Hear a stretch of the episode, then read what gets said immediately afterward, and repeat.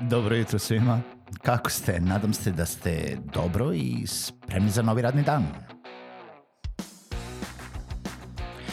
Pozdrav svima i dobrodošli na podcast Male pobede, stari novi podcast koji, well, koji je tu da bi vam kroz pitanje i savete dao motivaciju, pokrenuo vas u pozitivnom smeru i pomogao da ovaj dan počne bolje, jače i možda čak i zabavnije. Moje ime je Željko Crnjaković.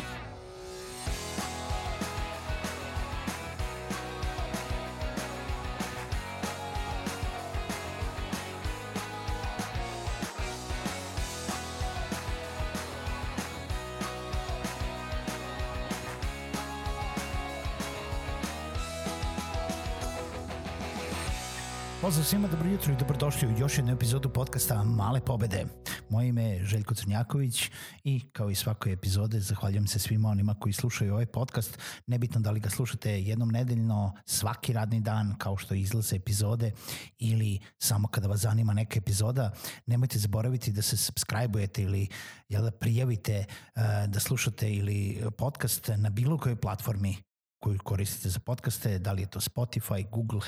Podcasts, uh, iTunes, Stitcher, Play Radio, šta god slušate, svuda se nalazimo. Uh, naravno možete nas naći i na sajtu malepobede.rs. Ukoliko vas zanimaju neke određene teme ili ukoliko imate komentare ili pitanje, slobodno mi pišite na malepobede.gmail.com ili bilo gde u komentarima na društvenim mrežama ili na SoundCloudu, jel da, uh, i potrudit ću se, jel da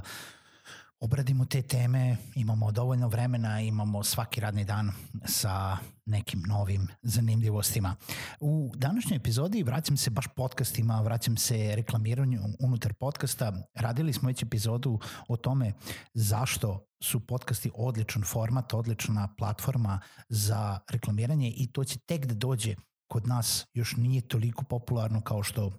može da bude kao što je to u svetu, ali vidimo već da veliki igrači ulažu velike, velike sume e,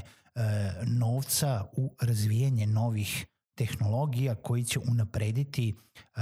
ads, unaprediti oglase unutar podcasta još više. Sad prvo da se vratimo osnovama zašto smo rekli da je uh, reklamiranje unutar podcasta veoma bitno i veoma značajno i može da donese mnogo veći ROI, u stvari return on investment, jeste zato, zapravo zato što je publika koja sluša podcaste, vi koji slušate podcaste, mnogo angažovanija, vi ste se već opredelili da nađete podcast koji želite da slušate, da slušate taj podcast i uh,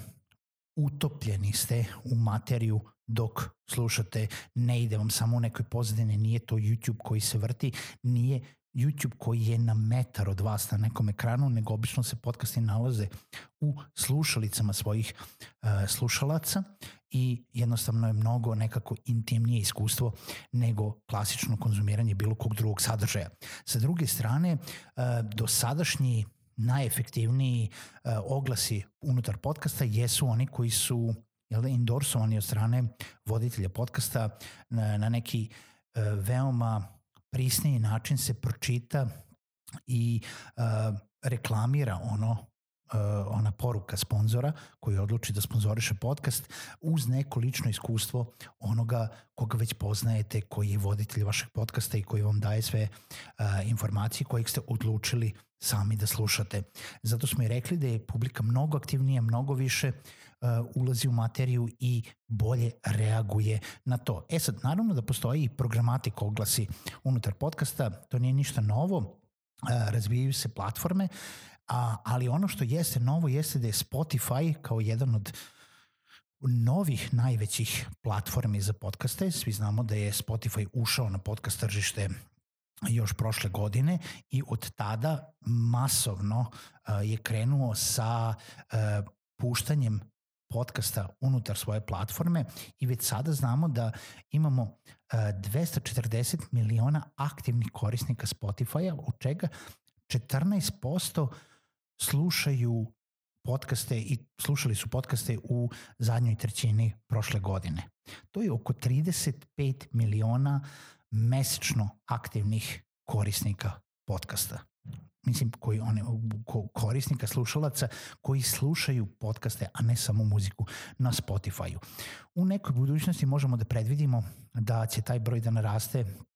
recimo da Spotify ima 600 miliona aktivnih korisnika, a da više od polovine slušaju podcaste, što već dolazi do preko 300 miliona aktivnih mesečnih korisnika na samo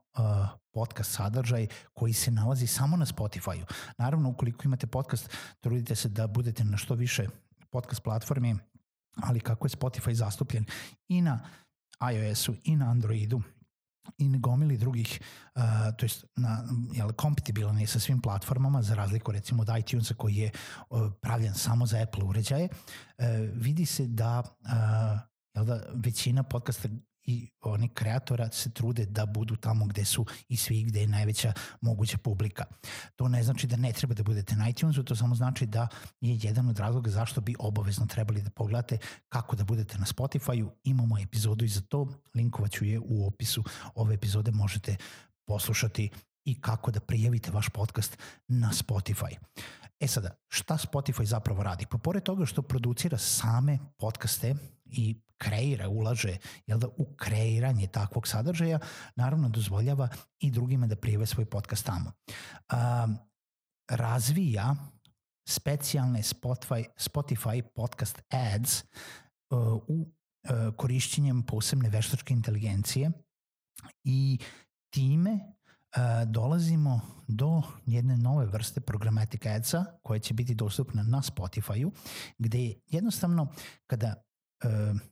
uzmemo u obzir te stare oglase koje čita sam voditelj nekog podcasta, tu znamo da svi njegovi korisnici slušaju isti oglas. Nebitno koje su demografije, nebitno odakle su, nebitno uh, nijedan onaj uh, nijedan feature u, u samom targetiranju uh, slušalaca ne možete da menjate. Jednostavno svako ko posluša podcast će čuti isti oglas. U Spotify podcast ads i njihovom načinu uh, jela, plasiranja putem veštačke inteligencije, oni će moći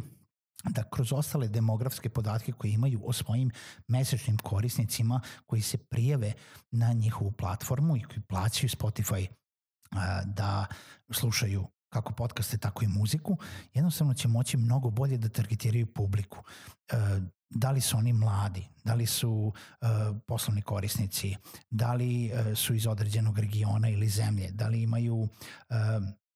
premium nalog ili nemaju premium nalog. Kako god okrenemo, moći ćemo da veoma, veoma specifično targetiramo publiku sa tim oglasima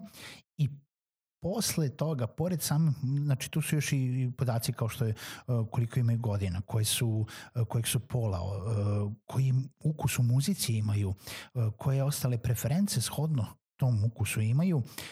na kojem uređaju pristupaju i sve ostalo i sve će to moći čak da se vidi kroz analitiku Spotify Adsa, to je Spotify Podcast Adsa,